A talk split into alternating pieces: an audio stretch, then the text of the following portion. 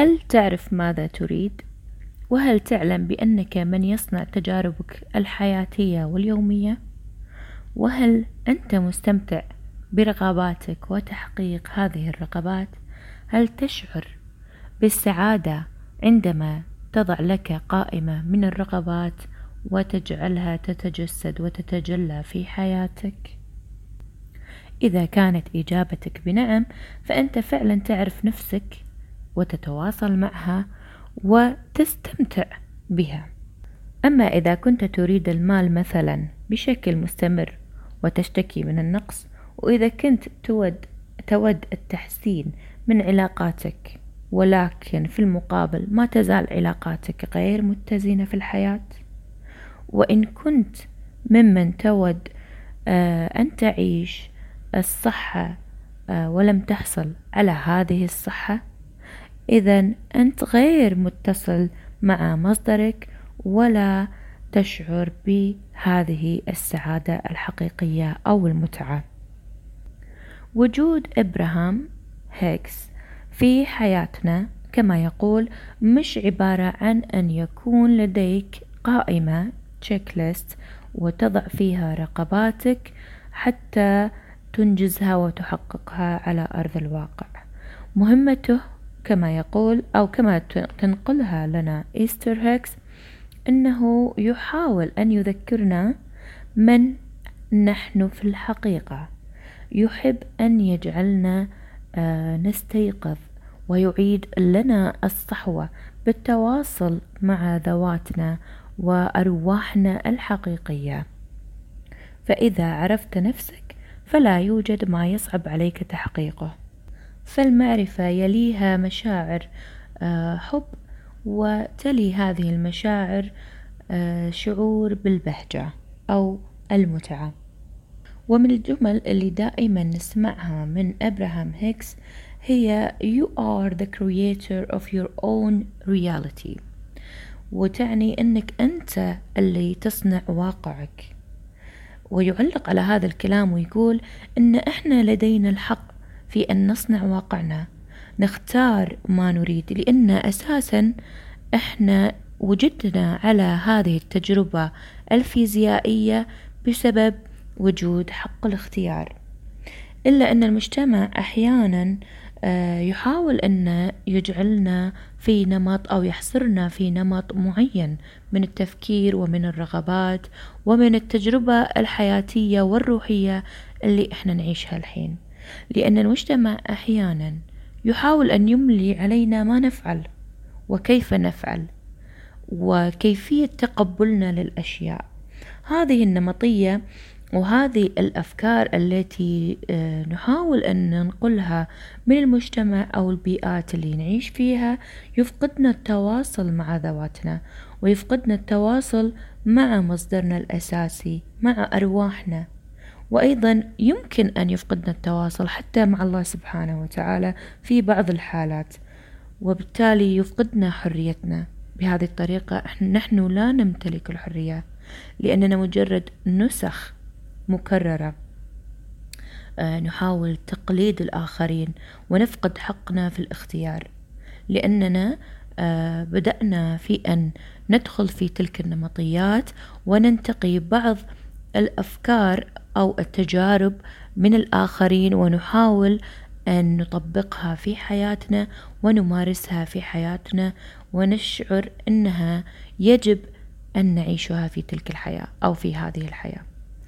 فهذه الأفكار ممكن أنها لا تتوافق معنا روحيا ولا تتوافق مع سبب وجودنا ورسالتنا ولا شقفنا حتى في هذه التجربة الروحية الفيزيائية التي نعيشها على آه، أرض الواقع. فيعقب آه، أبراهام ويقول أنت مخلوق أبدي. اخترت أن تعيش تجربتك الروحية في هذه المرحلة الفيزيائية في هذا الوقت وفي هذا الزمن وهذا الواقع الحالي. حتى توجه نظرتك حول الخلق المحدد. فقدانك لهذا الحق بالاختيار يعني أنك غير واع. فالوعي الفعلي هو أنت والأفكار هي ما يقودك إلى ذلك الوعي الأبدي. إلا أنك لا تستمع لهذا الوعي الخالص الذي يعبر من خلالك ويتواصل معك في بعض الأحيان حتى تتواصل مع ذاتك روحك ومصدرك. أي أنه عندما يتم التواصل مع أفكاري بوعي وأتواصل مع ذاتي إذا أنا أتواصل مع الروح. بما أنني أنا من يختار في حياتي وأنا من أصنع تجربتي الحياتية. كيف أصل من هنا إلى هناك؟ ولماذا أحتاج كل ذلك الوقت لتحقيق ما أريد؟ هذه الأسئلة التي غالبا ما تطرح على أبراهام آه، نحو تحقيق الأهداف وصناعة الواقع وجذب آه، ما يريد الشخص إلى حياته. ويكون تعليق إبراهام السبب لذلك هو عدم التوافق الذبذبي. بينك وبين هدفك أو رغبتك اللي أنت تودها أو تود الحصول عليها. على سبيل المثال لو حاولت الحين أني أحدد رغبة أو هدف معين في حياتي ما قدرت أني أحصله. بدأت أفكر فيه حاليا حاول أنك تفكر في هدف في حياتك ما حصلت عليه. آه، راح تبدأ تستشعر مشاعر معينة. أثناء تفكيرك في هذه الرغبة. الشعور مختلف عن الرغبة صح ولا لا؟ يعني كأنه معيق لأن الشعور تردده حاليا مختلف. Okay؟ فما يتوافق مع رغبتي مع ما أريد. عندما لا يتوافق الترددان إذا لن يحصل هذا الجذب. Okay؟ وهذه المقاومة أو المعيقات هي اللي تعيق آه، التجلي؟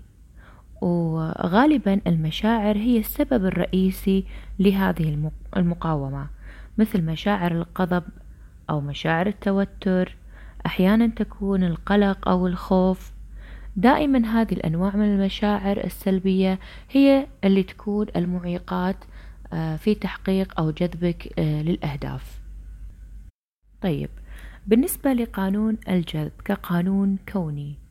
لماذا يعتبر قانون الجذب من أقوى القوانين الكونية؟ لأن الجذب دائما دائما بحالة مستمرة. يعني أنت تجذب ما تريد وتجذب ما لا تريد. أوكي؟ فكيف يعني؟ يعني اللي أنا أفكر فيه أجذبه لأني قاعدة أفكر فيه وبحالة تركيز على آه هذا النوع من الترددات الفكرية. أما ما لا أريد بما أني فكرت في أيضا ما لا أريد إذا أنا مهيئة لأن أجذب هذا النوع من الأفكار آه، آه، بحيث أنها تتجلى عندي في أرض الواقع. وهني إحنا نعرف فائدة قوة التركيز. ولهذا السبب دائما تسأل إبراهام هيكس هل تعرف ماذا تريد؟ وهل تعرف ماذا لا تريد؟ لازم نعرف شنو الرغبات والأشياء والأهداف اللي إحنا نبيها بالضبط حتى نوجه تركيزنا عليها بشكل مكثف. وهني يأتي دور قوة التركيز. وما أفكر في اللي ما أبيه علشان لا أوجه قوة التركيز في الناحية الخطأ. أوكي. فالرغبة هي